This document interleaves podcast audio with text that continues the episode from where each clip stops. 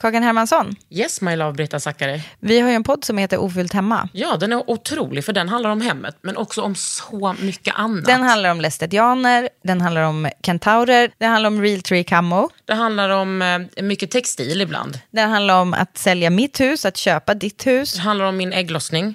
Alltid. Ja. Min också. Tack. Den heter Ofullt hemma och den finns där poddar finns. Hörs i podden, hej då! There's never been a faster or easier way to start your weight loss journey than with PlushCare. PlushCare accepts most insurance plans and gives you online access to board-certified physicians who can prescribe FDA-approved weight loss medications like Wigovi and Zepbound for those who qualify. Take charge of your health and speak with a board-certified physician about a weight loss plan that's right for you. Get started today at plushcare.com slash weight loss. That's plushcare.com slash weight loss. plushcare.com slash weight loss. Hej och välkommen till Under huden. Idag kommer Silla Holm hit. Hon har skaffat barn genom äggdonation i Ryssland och nu jobbar hon liksom med att eh, hjälpa andra med det.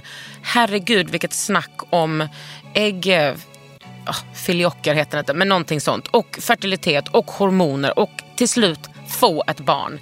Lyssna och lär. Silla Holm is here. Det här är en podd från L. Under huden. Med Kakan Hermansson.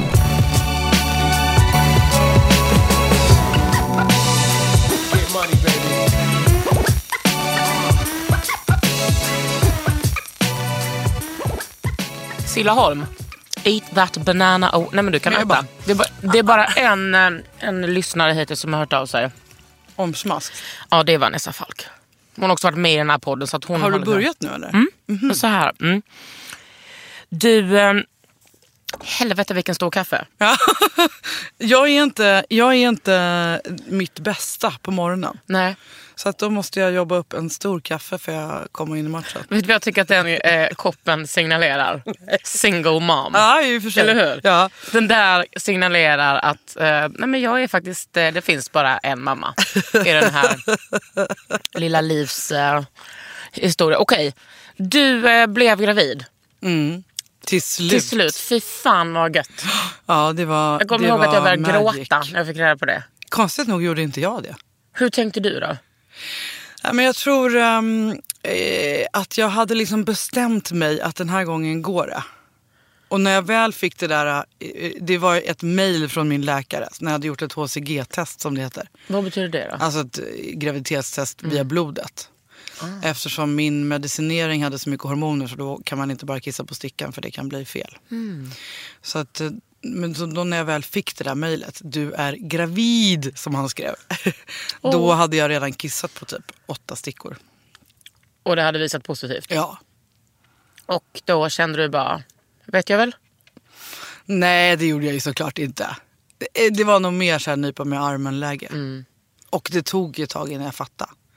Sen tror jag första ultraljudet när man såg det där pickandet.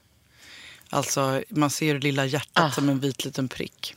I vilken vecka var det då? Nej men alltså var jag jättetidigt, typ sju, vecka sju. Det fick jag så extra hos min gynekolog. För han var ju lika ivrig som jag. Han, hade, han hade ju hjälpt mig då i liksom nästan tre år. Men hur, alltså från att du ehm, ehm, började liksom plantera en tanke om att du skulle skaffa barn själv tills att du födde ut din dotter. Hur lång tid pratar vi? Alltså jag tycker plantera en tanke är så svår att definiera när den börjar. Men från att jag rent praktiskt började försöka så tog det tre och ett halvt år. Fan det är inte så jävla lång Nej, tid. i efterhand är det ju inte det. Men då var det ju kanske åtta års ångest innan det. Perfekt, så då är det, ja. Då är Ja. det många. Och jag menar, ett års ångest är ju liksom fem års vanligt liv. Ja. Så att vi har 130 år. Och sen ska man ju komma ihåg också att leva med ofrivillig barnlöshet och hålla på med de här behandlingarna och så. Det är ju som att vara i en akut krissituation hela tiden. Så de där tre åren. Nu var det slutet. Min graviditet och allt sånt var ju helt underbart. Men eh, fram tills dess var det ju rätt så kämpigt. Och hur började din... eh, Alltså du var singel. Nej, jag var ju inte det.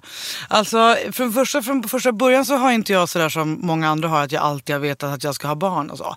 Utan ehm, tvärtom eh, eh, hade jag väl med mig det från när jag var liten. Men sen eh, desto mer åren gick och desto mer jag lärde känna mig själv så blev jag liksom lite rädd för att bli förälder. Och tänkte Varför så det?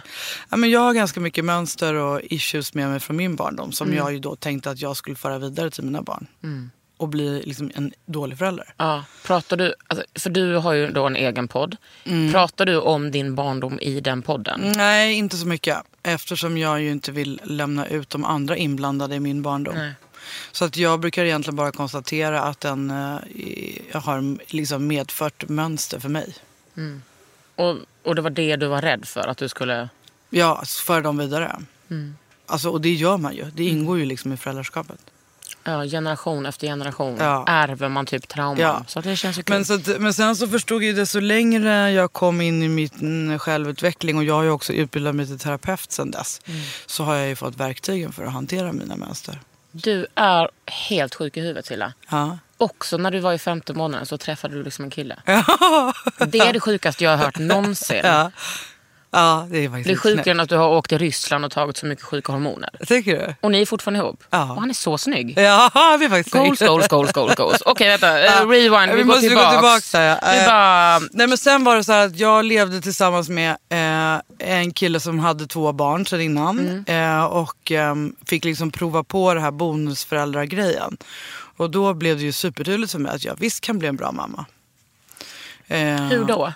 Nej men att eh, jag hade lätt att knyta an till dem och de tyckte om mig och liksom att vi hade en fin relation. Men blev du förvånad över det? Ja, Är det som att du liksom har um, kanske problematiserat för mycket? Ja, Någon slags exakt så. stigma? exakt så är det. Ja.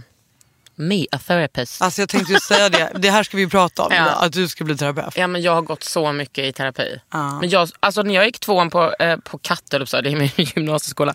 När jag gick tvåan på Konstfack så var jag så här, fuck this shit, nu hoppar jag av och blir terapeut. Du har också sagt det här i podden, det har jag hört. Ja, men och sen så bara, va? På vilka betyg ska du komma in? Du är liksom, nej, det blev ingenting med det. Men Okej. du behöver ju inte gå i högskolevägen, du kan Nej. göra som jag.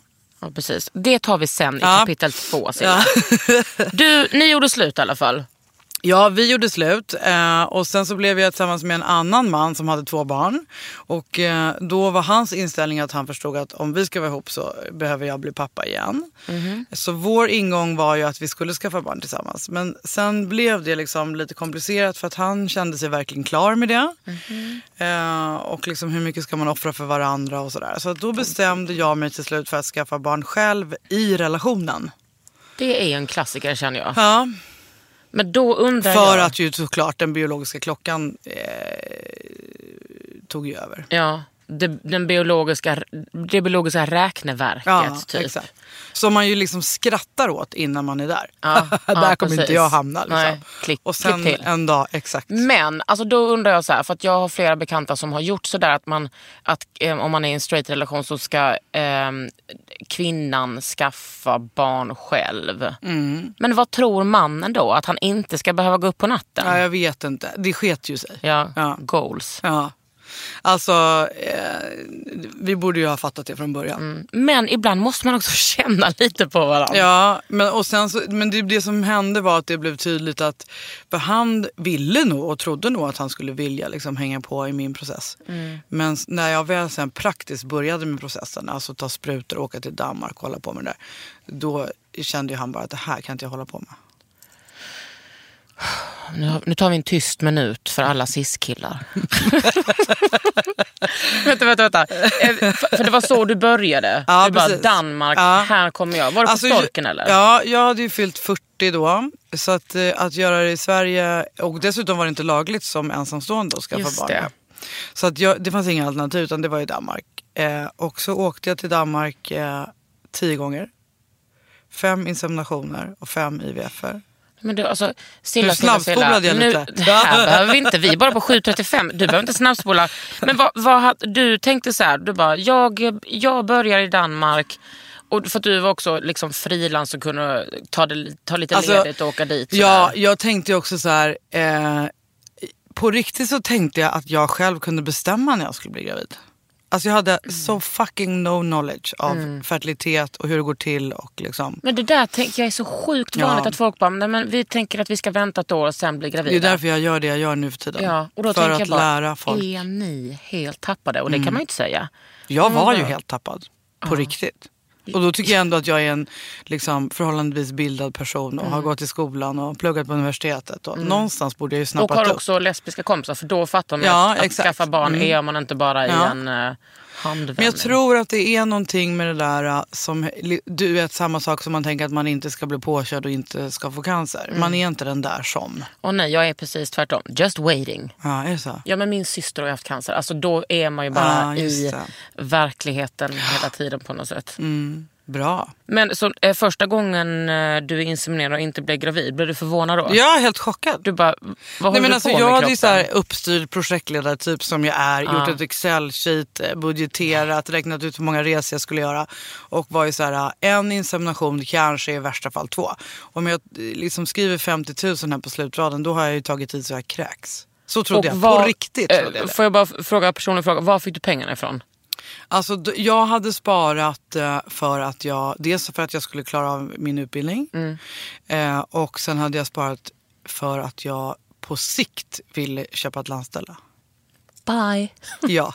Fast, Bye. fast, fast det är ju min bebis nu så det spelar Ja, ju verkligen precis. ingen roll. Och någon gång kan ni ändå köpa ett sommarställe. Plus du har en snygg Mm. kille, skit i det nu. Ja. Men, verkligen. Och sen så efter fem inseminationer. Ja, då började det ju liksom med då att jag fick en reality check. Det är också väldigt intressant för jag har i efterhand skrivit ut och fått med mig mina journaler från kliniken i Danmark. Är det storken eller? Ja, och då står det ju väldigt tydligt att ehm, eh, Patienten har inget tålamod. Patienten är ivrig. Nej, det Kommer står in så med här att eh, vi rekommenderar patienten att göra IVF men hon vill göra insemination. Jag kommer inte ens ihåg att någon har sagt till mig att jag ska göra IVF. Nej. Så inställd var jag på att jag visste hur det skulle gå till. Mm. Men också när man är, när man nosar på 40, då är det väl bättre att göra IVF?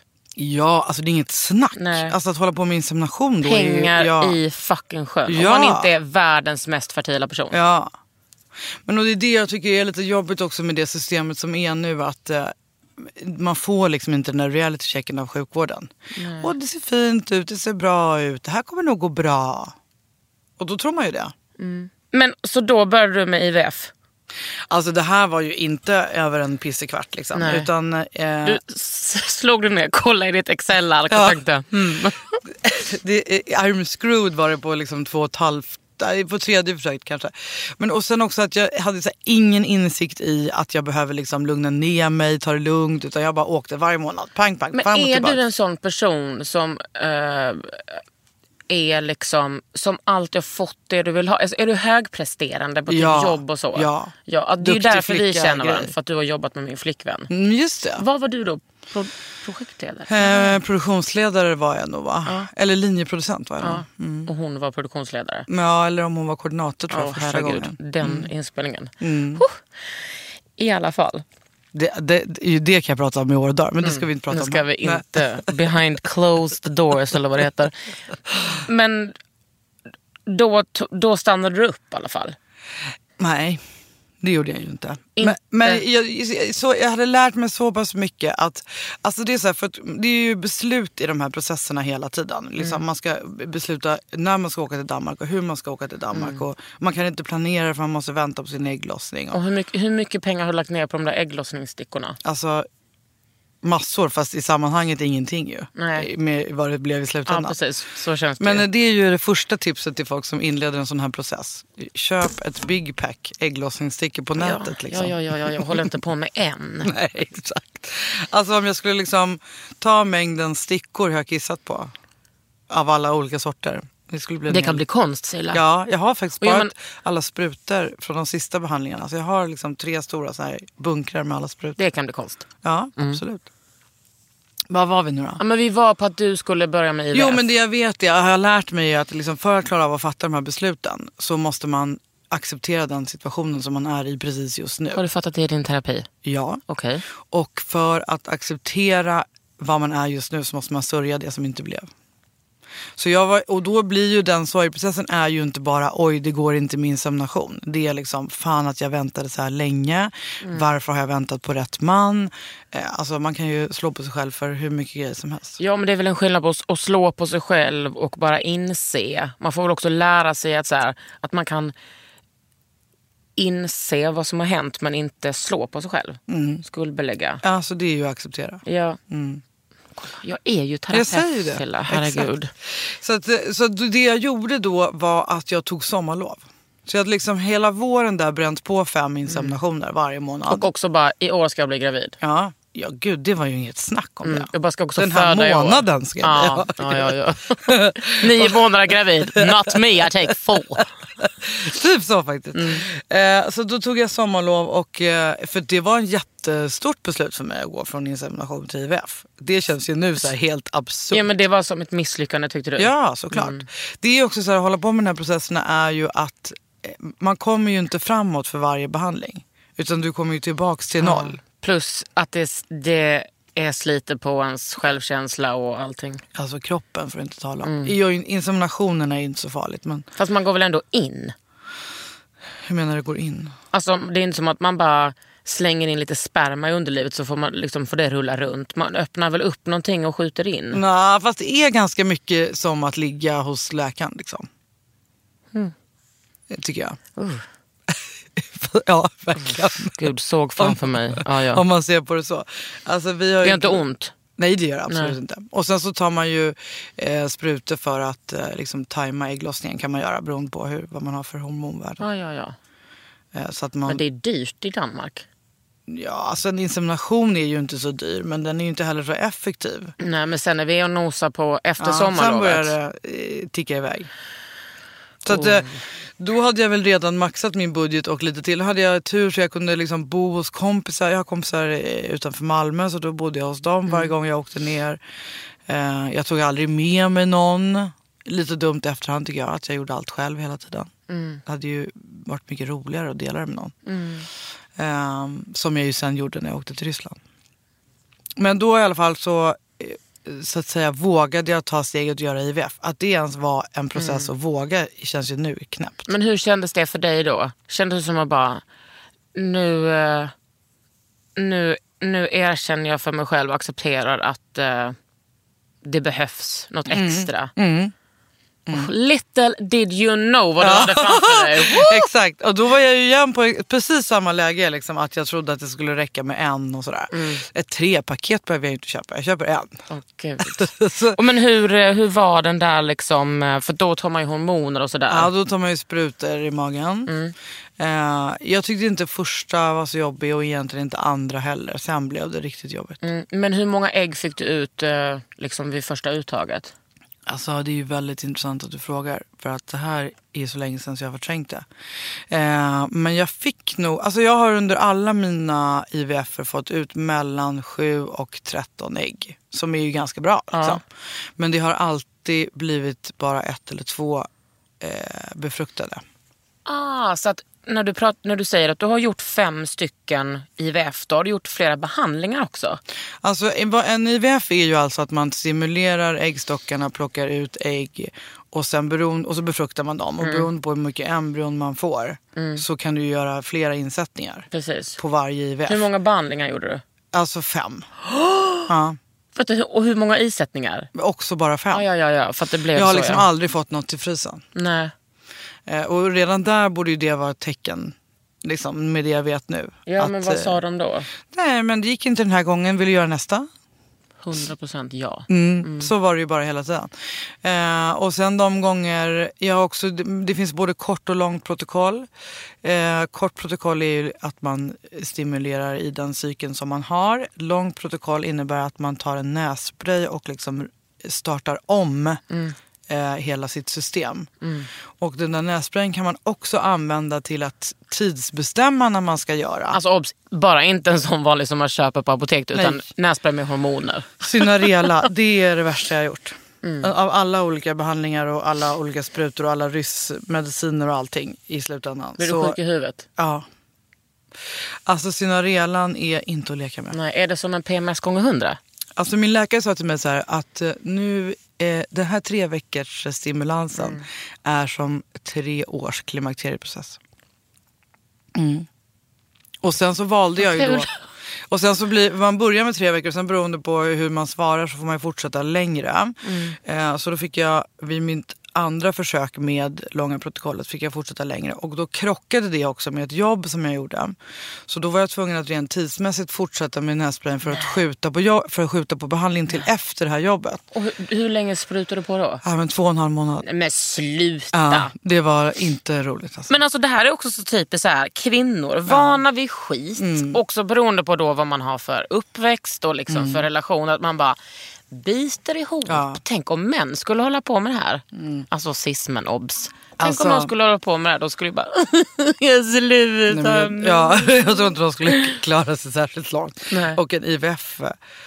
Alltså, så det är också liksom lustigt för det, ju, det finns ju också positiva delar av processen. Så, att, så att jag menar, göra ett ägguttag är inte så skönt men det är också oerhört fascinerande att sitta och kolla på den här skärmen när de liksom suger ut ägg ur en och man kan liksom se det. Och samma när man sätter in en. Ja, det är ju det coolaste som finns. Man ser, den där, man ser ju en liten prick liksom. Ja. Nu fäster det här inne i min livmoder. Det är ju så Ja, coolt. det är så stört.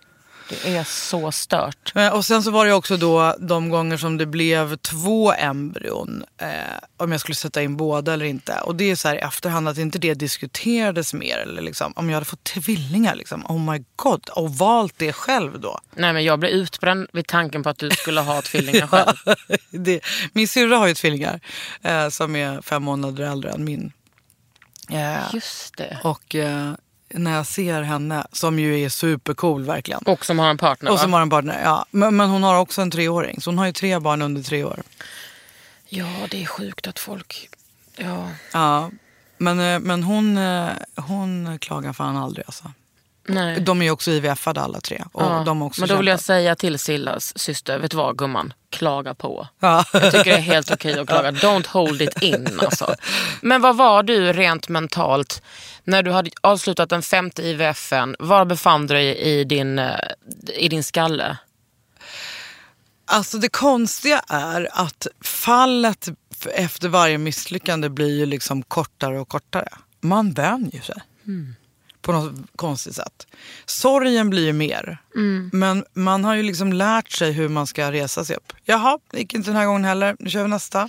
Men Typ var så. det, var det en genuin resning höll jag på att säga? Eller var det som att du bara, det här måste jag göra för att överleva, för att palla det här? Bra fråga.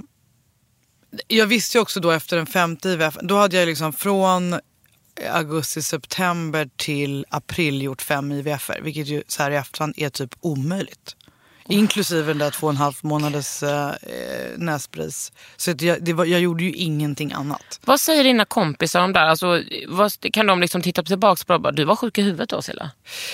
Eh, det, det har de ju inte, det tycker de nog jämt. Men, men, eh, Ingen, det var ingen större skillnad. Nej, men eh, fast det är, det, det är de som har varit med mig nära. Det, eh, det är ju nästan varje gång jag träffar dem, även om det är dagligen. Så tittar de på mig och så tittar de på Liv, min dotter alltså. Och så bara, det är ju helt fantastiskt.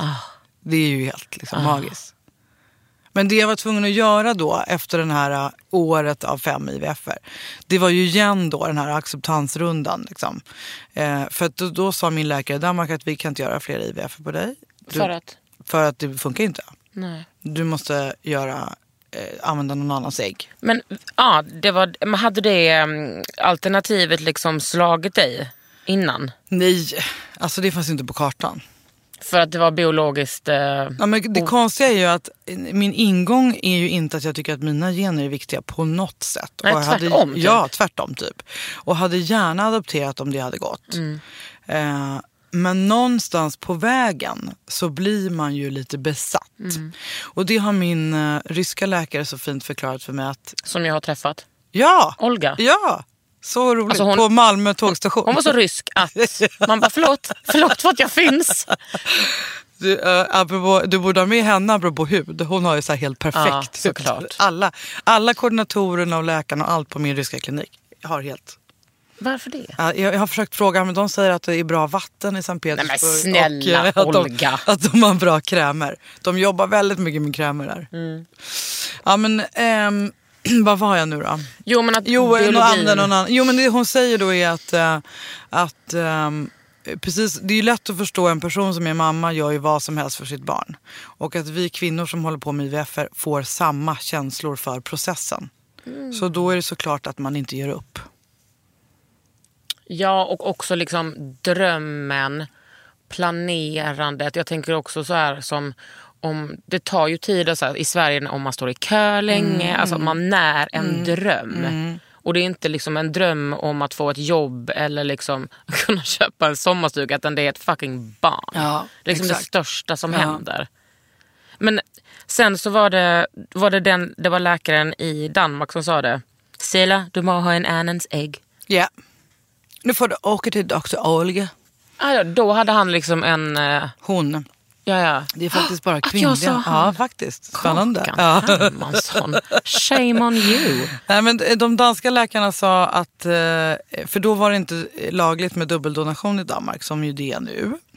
Eh, Så det Vad kan, är en dubbeldonation? alltså att du behöver både någon annans ägg och Sperma, spermier. ja, ja. Så det kunde man inte göra varken i Danmark eller Sverige. Nu går det på båda fast det funkar inte praktiskt i Sverige ännu. Inga kliniker har fått tillstånd. Men det är på gång. Eh, Men de hade kontakt med Olgas Ja. klinik. Precis. Och jag hade då gjort min research som jag ju vid det här laget hade blivit väldigt bra på. Mm.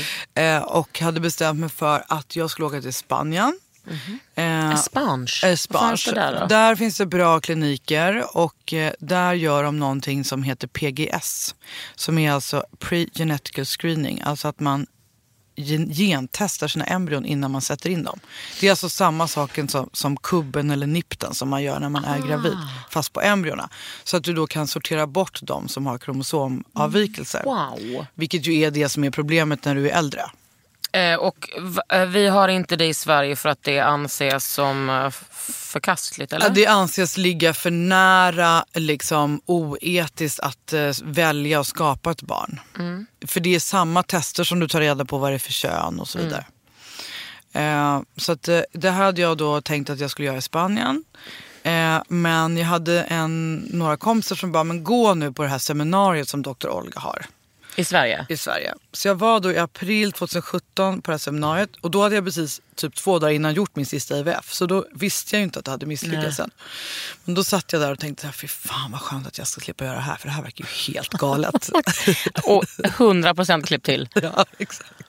Eh, Alltså little did you know att du och Olga skulle ja, liksom herregud. ta... Ja. Att det skulle bli mitt yrke typ, Ja. att hjälpa alla som åker till Ryssland. Det är ju så konstigt. Nej men... eh, så att jag höll på där och kollade upp Spanien. Jag hade också kompisar som bodde på Kanarieöarna. För att i processen då, då hade, behöver man vara på plats länge. Mm. Så jag var liksom tvungen att styra upp en logistik att jag kunde bo då i närheten av någon Ytterligare klinik. ett Excel-ark. Ja, exakt. Så då var min plan att jag skulle åka till eh, Kanarieöarna under en längre period och göra det här då på den kliniken i Las Palmas. Eh, samtidigt som jag då började, inledde liksom min relation med rysskliniken eftersom jag hade varit på det här seminariet. För då liksom skickar man sina journaler och så får man en rekommendation och sådär. Och sen var det igen då eh, någon form av jag behövde vila acceptansprocess. Så jag tog sommarlov igen. Det här var ju sommaren efter. Och sen så, Var du också tvungen att jobba? Alltså, menar, Ja. ja. och plugga. Jag jobbade heltid och pluggade heltid samtidigt. Kan du tänka lite bara? Nej men alltså jag fattar inte nu hur det gick ihop. Nej, inte jag heller. Det, det gör jag inte. Inte så schysst mot dig själv. Alltså, men jag är, det är ju liksom det som är mitt Du får, vi vi tar My det i terapin sen. Eh, men sen så eh, va, hände det mycket där under sommaren. Jag hade mycket samtal med väldigt smarta kompisar om det där med någon annans ägg och mina ägg. Och liksom, hur kunde jag så lätt ha en spermiedonation men inte en äggdonation. Eh, Vad var dina tankar från början om äggdonation? Ja, men jag tyckte att, det att jag skulle liksom välja en person som då skulle ersätta mig. Det var ju det som tog emot. Var det så du såg det, liksom Ja. valet? Och att det, ska jag också sitta och jämföra så här, vilken kvinna är bättre än någon annan och varför tycker jag att den här är bättre. Och så här. Det, det kändes elitistiskt liksom. Men, nu ska, jag bara, eh, nu ska jag bara ge ett förslag. Kan det också ha varit för att, alltså en ursäkt för att du egentligen tyckte att det var jobbigt att ens behöva ta någon annans ägg? Exakt så var det såklart. Terapeutkaka. Jag blir rädd för mig själv och min färdighet. Jag surplar lite på min jättestora Ja, kaffe. ja den är liksom en halv meter. Eh, nej men, eh, det var, du vet, eh, alltså som jag sa innan, för att kunna acceptera sin situation så måste man sörja. Så jag grät och grät och grät och grät över allt möjligt. Och det hade ju inte så himla mycket med de där äggen att göra. Utan liksom att jag hade väntat och att jag hade inte trott att jag skulle kunna bli en bra mamma och sådär. Och Det kom ikapp liksom, Ja. allting. Ja. Det, det var ju tvunget att komma ikapp för annars hade det inte... Får jag fråga, Vad? fick du en bättre relation med din syrra under den här tiden? Ja absolut, vi höll ju på med IVF samtidigt. Liksom. Ja, just det. Så det var ju väldigt... eh, och sen vet jag i efterhand så att hon tyckte nog att det var jobbigt när hon blev gravid och fick all, Hon är ju också lilla syrra. Så rent naturligt skulle jag ju kommit först på något sätt. Men t- jag tyckte ju precis tvärtom. Jag har aldrig, alltså alla mina lyssnare och alla jag träffar, och så här, nästan alla lever ju med den här avundsjukan. Att inte kunna hantera när andra blir gravida. Men jag tyckte aldrig att det var jobbigt. Tvärtom så tyckte jag bara att när folk i min närmsta närhet fick barn så liksom var ju det en liten räddning för mig. Att Ja. jag fick barn och var med och så. Ja men också bara om de kan så kanske jag kan. Ja, att är så tänkte jag kanske nog inte faktiskt. Det var, men, och sen så var det, det jag också gjorde där andra sommarlovet, som jag tror är det absolut svåraste när man håller på med de här processerna. Det var ju att jag öppnade dörren till vad händer om det här aldrig kommer gå. Fy fan vad läskigt. Ehm, och då måste man gråta ännu mer. Men jag kom ändå fram till, och det tar ju sin lilla tid, att jag kommer ju inte dö. Liksom. Alltså, mitt liv kommer ju fortsätta. Och jag känner ju mig själv och jag kommer ju göra det bästa av det livet. Så jag hade ganska liksom, eh, krassa diskussioner med mig själv och några av mina närmsta. Av liksom, vad kommer det innebära? Kommer jag bli en person som inte umgås med barn? Kommer jag skaffa nära relation med vilka barn? Då hade jag ju redan nära relation med ganska många barn. Ehm, kommer jag liksom eh, jobba volontärt och resa? Alltså det finns ju också möjligheter med att, all, att veta att man aldrig kommer ha egna barn. Eh, så att, eh, och så sorg då mellan varje sån här tanke. Så jag tror att det som ju, sen gjorde till slut att jag kunde åka till Ryssland och fatta det beslutet var ju att jag hade liksom förlikat mig med att det kanske inte blir några barn. Och då blir ju helt plötsligt processen positiv igen. För då blir det liksom som en bonus om det ska lyckas. Precis och sen så det där hoppet finns ju Ja. alltid med. Exakt. Det blir inte ett ont måste. Liksom.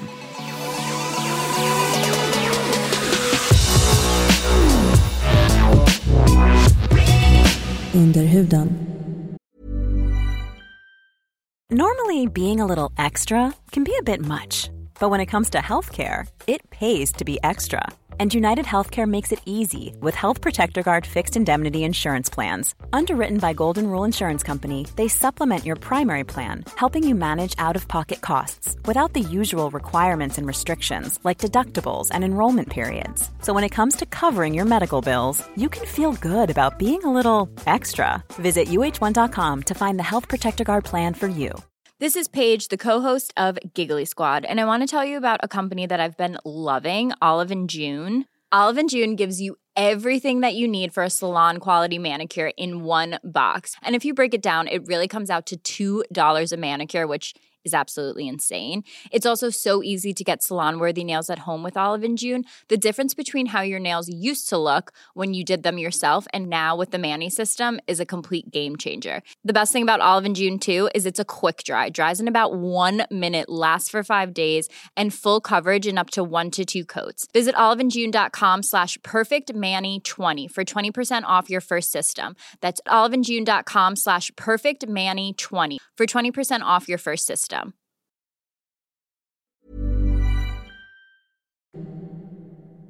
Men du eh, hade kontakt med Ryssland, staten Ryssland.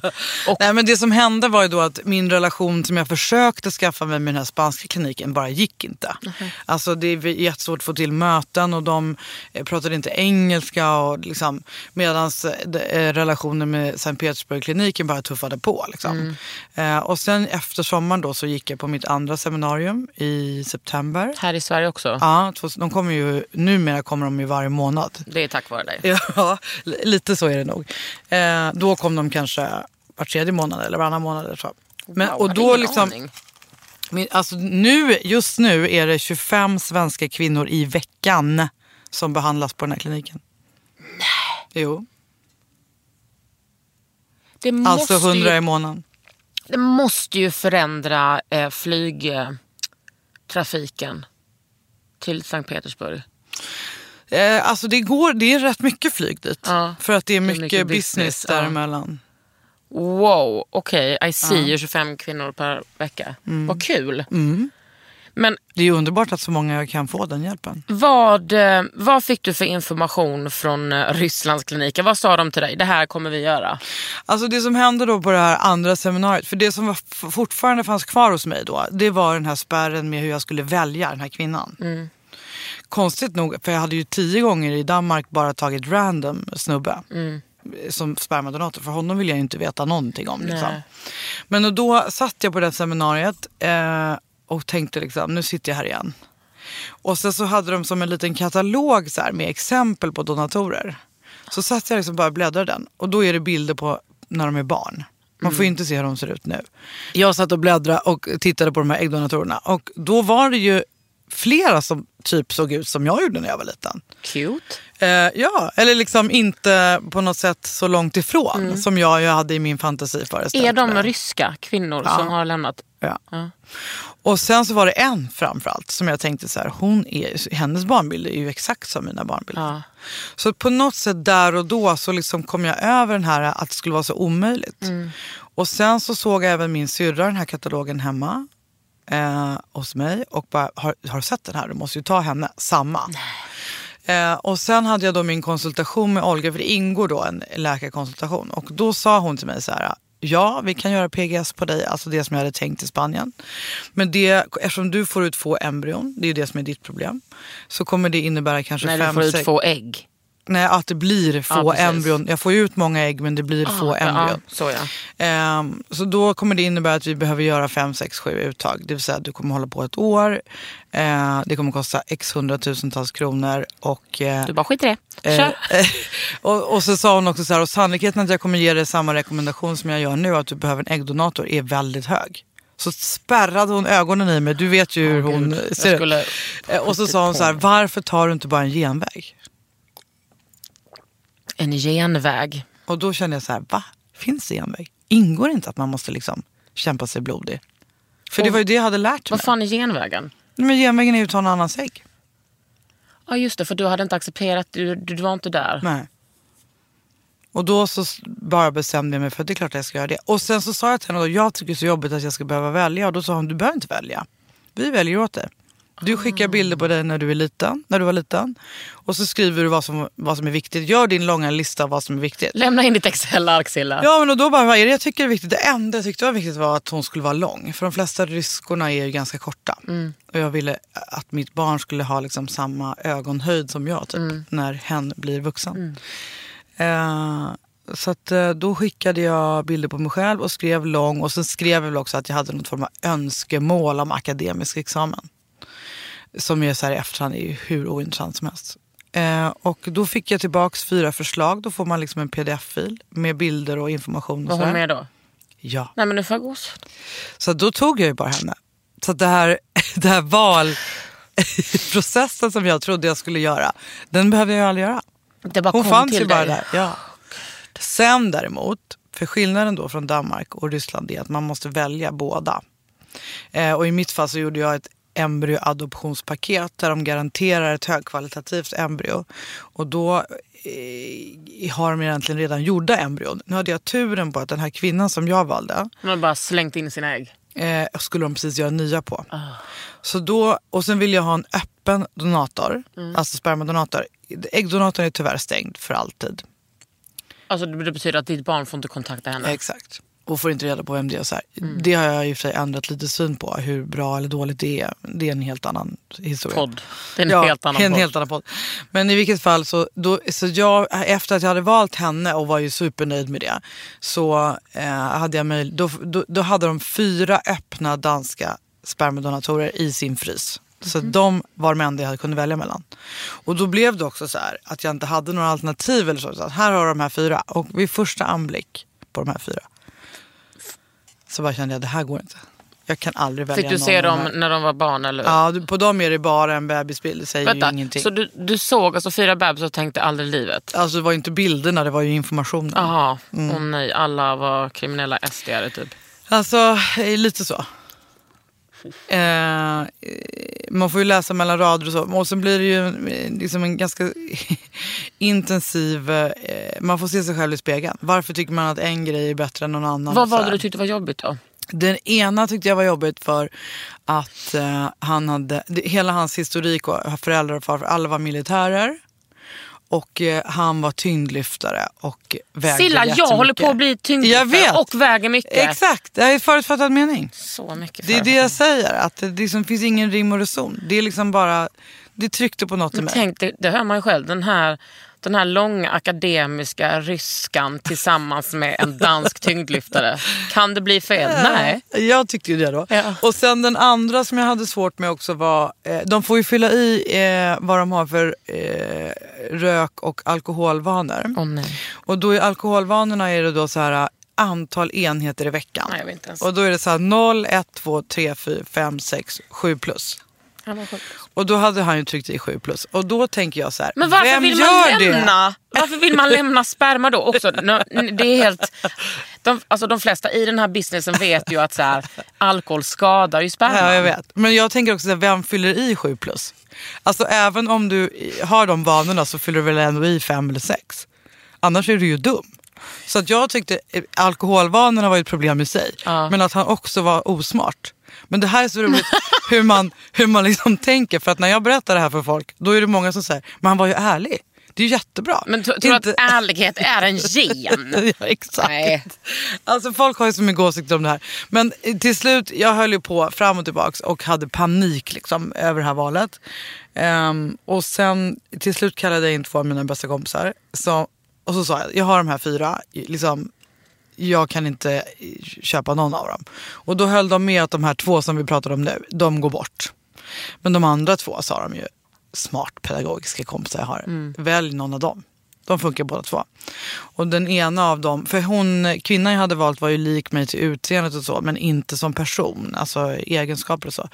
Eh, Medan en av de här männen som var kvar då hade en personlighet som verkade rätt lik min. Så då tog jag. Nitisk, gillar Excel, gillar Nej, projektledare. happy-go-lucky person, alltid glad när han kommer in. Typ så. Underbart. Står Mm. det?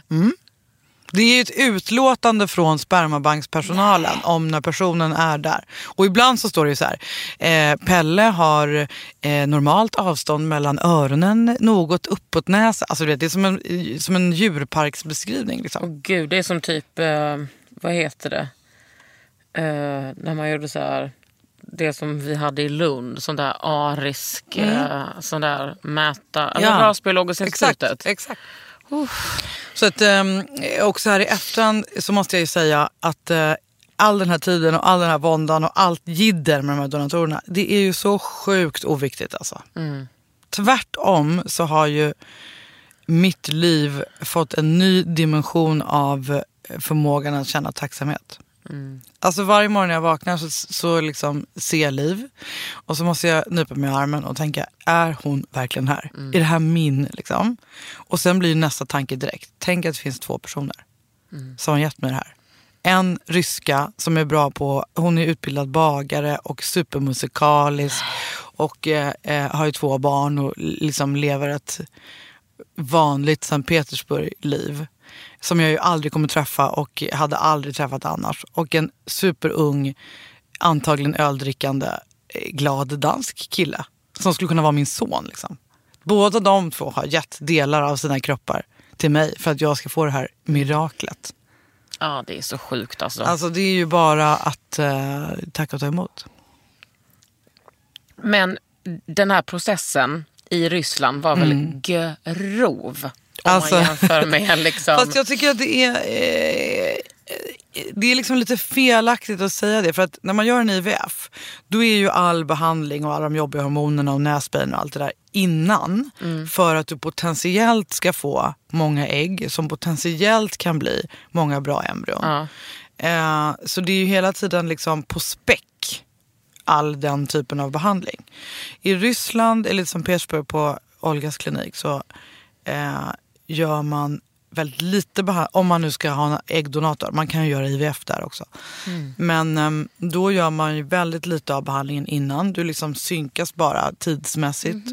Eh, och sen så börjar det någon vecka innan och sen är ju all den tunga medicineringen som absolut är tung ja. Men den börjar ju samma med att du sätter in embryot. Så innan då, då, då tar du hormoner för att eh, skapa en, ett, ett, en trevlig... eh, Livmoder. Ja, precis. Exakt. Få en tjock slemhinna och synka dig med äggdonatorn om du ska göra från ett färskt. Ah. Och sen så eh, sätter du ju alltid in i Sankt Petersburg en blastocyst som det heter, alltså ett femdagars embryo. Så det är alltid odlat till fem dagar. Så då får du ju reda på efter nio dagar om du är gravid. Så det är ju väldigt snabbt. Och sen fortsätter ju medicineringen när du är gravid. Och liksom motivationen då är ju inget att snacka om. Men du måste berätta om hur medicineringen, medicineringen ser ut. Det är som att ser bara såna stora sprutor framför Ja, mig. det är precis det det är.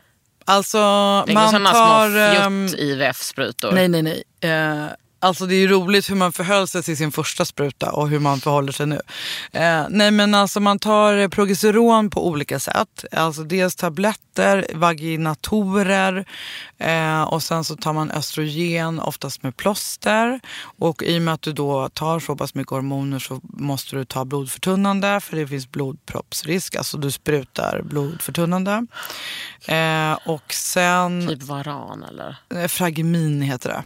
Oftast i Sverige. Och det finns ett som heter Klexan också. Eh, om vi nu ska göra läkemedelsreklam. eh, eh, och sen så eh, det som då skiljer eh, den ryska behandlingen är två mediciner som inte ens finns i Sverige. Eh, en tablett som jag inte vet exakt vad den gör. Det är någon form av vitaminkur på något sätt. Och sen är det då progesteron i sprutform. Eh, som är då oljebaserade intramuskulära sprutor som man tar i rumpan. Alltså det ska rätt in i muskeln i röven? Ja. Wow! Fan, Så om du liksom jämför med en IVF-spruta som ju har en nål på vadå? En och en halv, Vad två centimeter. Ja. Mm. Nålen på IVF så är ju den typ 12 centimeter, nålen på den där. Och den måste vara mycket tjockare då? Ja. Och den ska rätt in i rövmuskeln? ja. Alltså det är så långt till min rövmuskel från min, där min röv börjar. Alltså mitt största problem tycker jag var hur jag skulle komma runt och komma åt. Jag var så svullen och tjock också. Men alltså, så du börjar med... I den- Sverige så skulle man ju aldrig få ta en sån spruta på sig själv. Aldrig. Men grejen är ju då att man ska ta den samma tid varje dag. Eh, Och direkt när du har satt in embryot? ja, du börjar samma dag som du sätter in embryot. I tio veckor. Och sen är det också så att om du får en blödning eller liksom någonting händer. Eh, då går man över på treatment plan B som det heter. Och då måste man inom en timme ta en extra spruta. Och den har du alltid hemma? Ja, man får ju köpa med sig från Ryssland då. Man, man åker tillbaks med en säck med sprutor. Och det är inga problem med tullen eller? Nej, man får liksom ett intyg. Så, att, eh, så, och så därför så insåg jag ju att jag måste ju kunna göra det här själv. För att om jag behöver ta en inom en timme kan jag inte behöva åka till någon sjuksköterska. Och ingen vill heller hjälpa till med det här. Så att eh, jag fick bara bita det sura äpplet och eh, lära mig det där när jag var där. Och då är det ju inte alls så svårt som man tror att det ska vara. Nej. Och sen blir man ju proffs. Kan jag göra det i sömnen? Nja, Men, men, men efter nio dagar så bara, du är gravid. hur sjukt? Och då fortsätter det ändå liksom tio veckor. Ja, man, man, all medicinering är till vecka 12 och sen tar man vaginatorer till vecka 32. Men ja, Är det sant? Mm. Varför det? ja för att eh, man ska hålla höga progesteronnivåer för att inte få missfall. men för att jag menar när du, när du är gravid sen, då är du bara helt vanligt gravid. Från vecka 12. Fram till vecka 12 är man inte samma gravid som någon som har blivit gravid naturligt. Gud, vad är skillnaden då? Ja, men det handlar ju om att eh, det här blir ju supermedicinskt nu. Men när du blir gravid natur- när du blir gravid naturligt eller via IVF, då stimulerar du, alltså det, var, i äggstockarna finns det ju äggfolliklar som det heter, Mm. som släpper ägg. Och när den släpper ett ägg då går den follikeln direkt till att eh, producera östrogen och progesteron ja, till ja, ja, ja. livmodern som livmodern behöver för att behålla embryot. Men om du använder någon annans ägg så har du inte haft ägglossning så hela den processen görs medicinskt. Mm. Men sen då vid vecka 12 då har moderkakan tagit över den här producer, heter det, produktionen av hormoner. Då undrar jag så här. Alltså, eh, bagare och musika, musikerryskan, Aha. måste hon ha samma blodgrupp som du? Eh, ja, det finns vissa kombinationer som funkar. Men ja, Mm. rent principiellt så- ska hon ha det. Men sperman är bara vad som helst såklart. Ja. Precis. Men alltså sen när du hade gått över vecka 12-13 och inte hade fått missfall. Mm. Det var ju, alltså du blev ju gravid direkt. Vänta, direkt. Det är ju, ja. Ja, en definitionsfråga. Men där måste jag säga att jag, jag tror att jag hade en, en eh, liksom fördel av att jag inte hade fått något missfall innan. För jag tror det gör ju att man har svårt att tro på det. ja. Nu trodde jag på det från den sekunden jag stoppade in embryot. Det var också så här, varje gång i Köpenhamn så var det så här, ja, idag är det 17% chans, idag är det 19% chans och så här, beroende på hur bra kvalitet det var på embryot. Och så var det så här, om du blir gravid så är det ju 50% risk för missfall. Va? E- Eftersom kromosomavvikelserna när man är äldre. Är det sant? Mm. Alltså är du över 40 så är risken för missfall ju extremt hög. Men vad... och då när jag gjorde i, i Sankt Petersburg så var det så här, idag är det 75% chans. Det är ju liksom ganska andra odds. Och sen när, och om du blir gravid och när jag blir gravid så är det bara 14% risk för missfall. Den vanliga liksom, risken som det är för vanliga unga människor. Jag var ju inte ens en högriskgraviditet utifrån den synvinkeln. Sen är jag en högrisk, var en högriskgraviditet utifrån att jag är äldre. Alltså risk för havandeskapsförgiftning och komplikationer vid förlossning. Hur gammal är du nu? 43. Men nu har det här liksom också blivit ditt jobb. Ja. Det är du och doktor Olga. Alltså det blev ju så här, jag eh, pluggade ju färdigt till terapeut eh, under den Vad här heter perioden. den terapeuten du är? Jag är psykosyntesterapeut. Det låter ju som någonting med växter, det är det inte va? Fast vet du, det är en väldigt rolig, eh, roligt att du säger det. För det som är, skiljer psykosyntesen från andra det är att man tittar på människors potential. Och möjligheten att växa istället för att, och det som är friskt hos personen istället för det som är sjukt. Vi jobbar inte med några diagnoser eller Nej. är superenkelt förklarat. Men, Ja. det, men ligger nära KBT och de typer av tredje vågens terapiformer. Jag är lite mer eh, psykodynamisk. Ja, men i, så här, I dagens läge, så, eh, det här är min åsikt, eh, så all form av terapi som är verksam säger väldigt mycket forskning bygger ju på relationen mellan klienten och terapeuten eller patienten och terapeuten. Och eh, man jobbar ju med jätteolika metoder beroende på vilken patient eller klient man har. Tror du jag skulle vara bra på att vara en sån? Ja.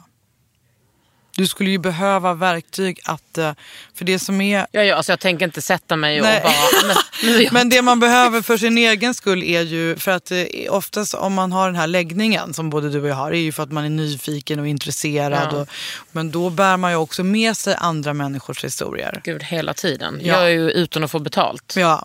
Och ska man orka vara terapeut och liksom träffa fem, sex personer varje dag med eh, liksom ganska tunga saker så Mm. måste man ju lära sig att släppa det också.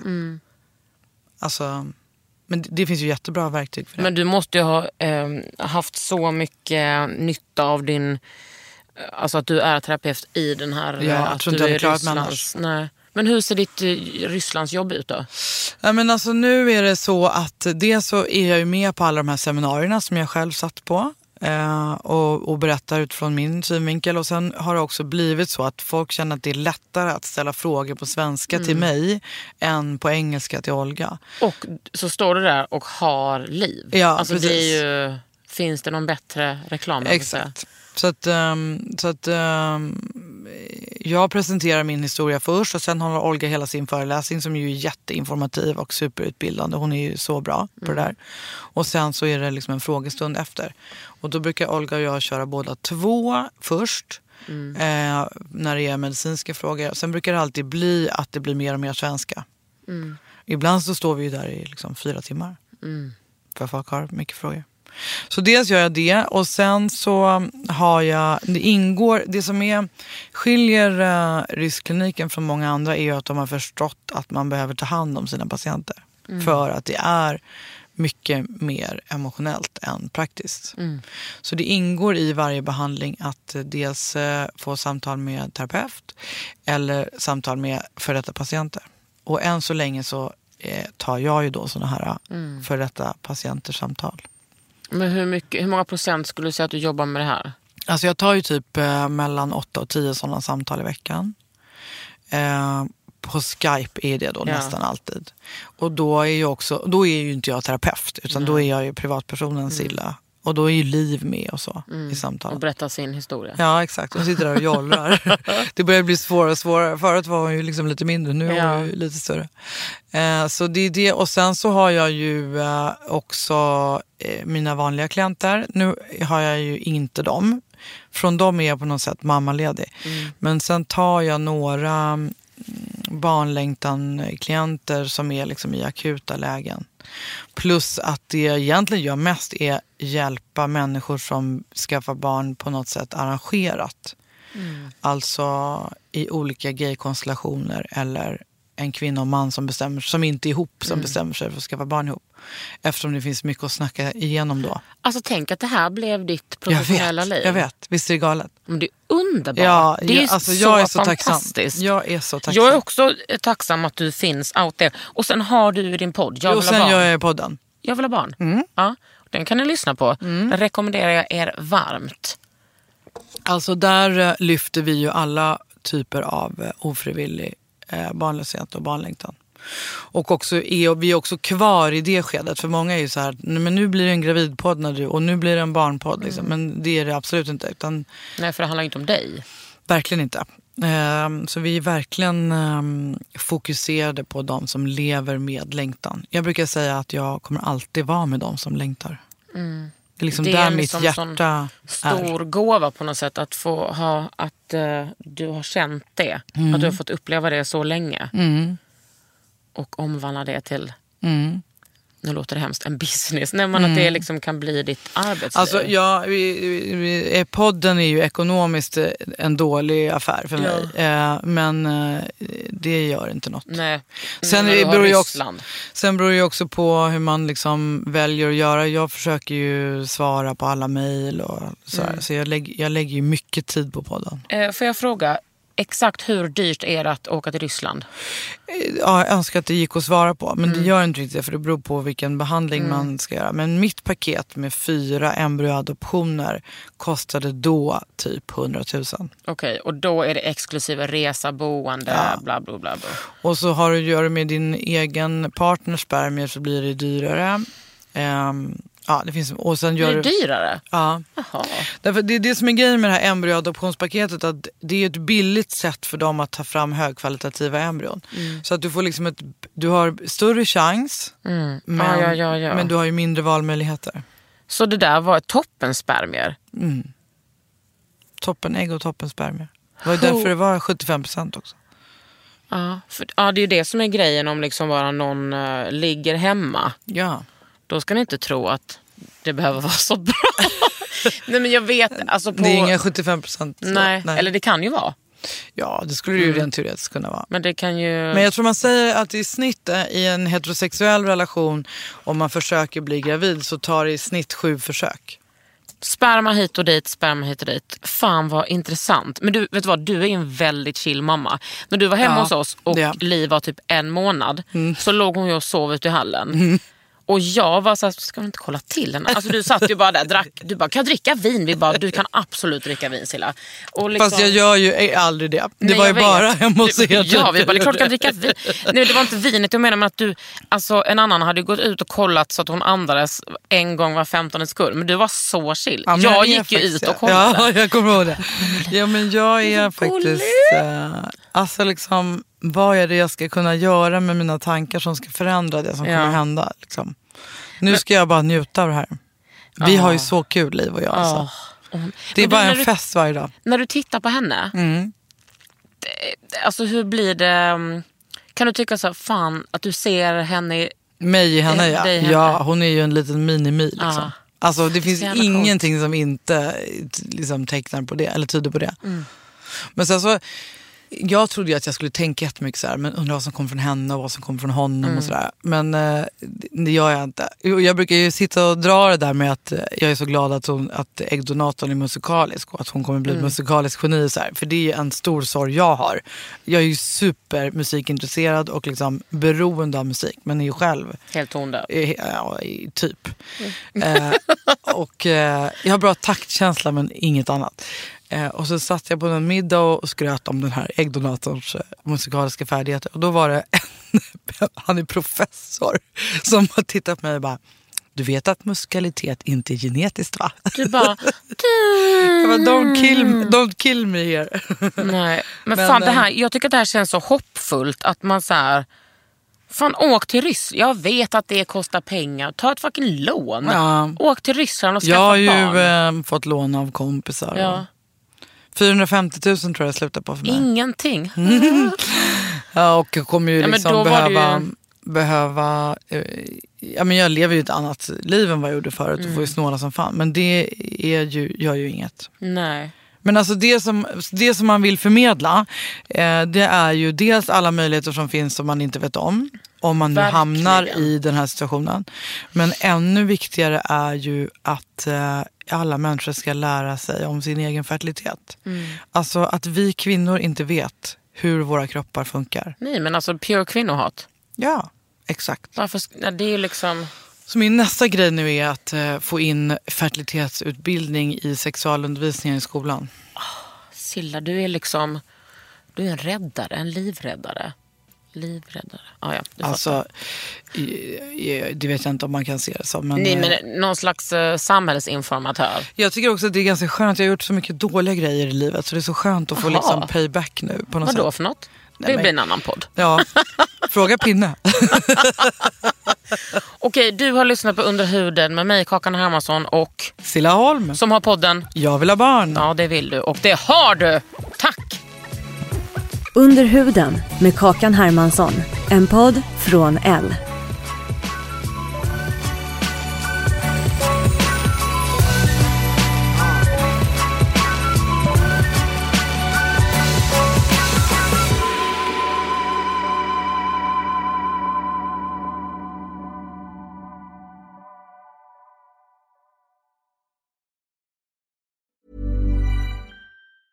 Normally, being a little extra can be a bit much, but when it comes to healthcare, it pays to be extra. And United Healthcare makes it easy with Health Protector Guard fixed indemnity insurance plans. Underwritten by Golden Rule Insurance Company, they supplement your primary plan, helping you manage out of pocket costs without the usual requirements and restrictions like deductibles and enrollment periods. So when it comes to covering your medical bills, you can feel good about being a little extra. Visit uh1.com to find the Health Protector Guard plan for you. Imagine the softest sheets you've ever felt. Now imagine them getting even softer over time. That's what you'll feel with Bowl and Branch's organic cotton sheets. In a recent customer survey, 96% replied that Bowl and Branch sheets get softer with every wash. Start getting your best night's sleep in these sheets that get softer and softer for years to come. Try their sheets with a 30-night guarantee. Plus, get 15% off your first order at bowlandbranch.com. Code BUTTERY. Exclusions apply. See site for details.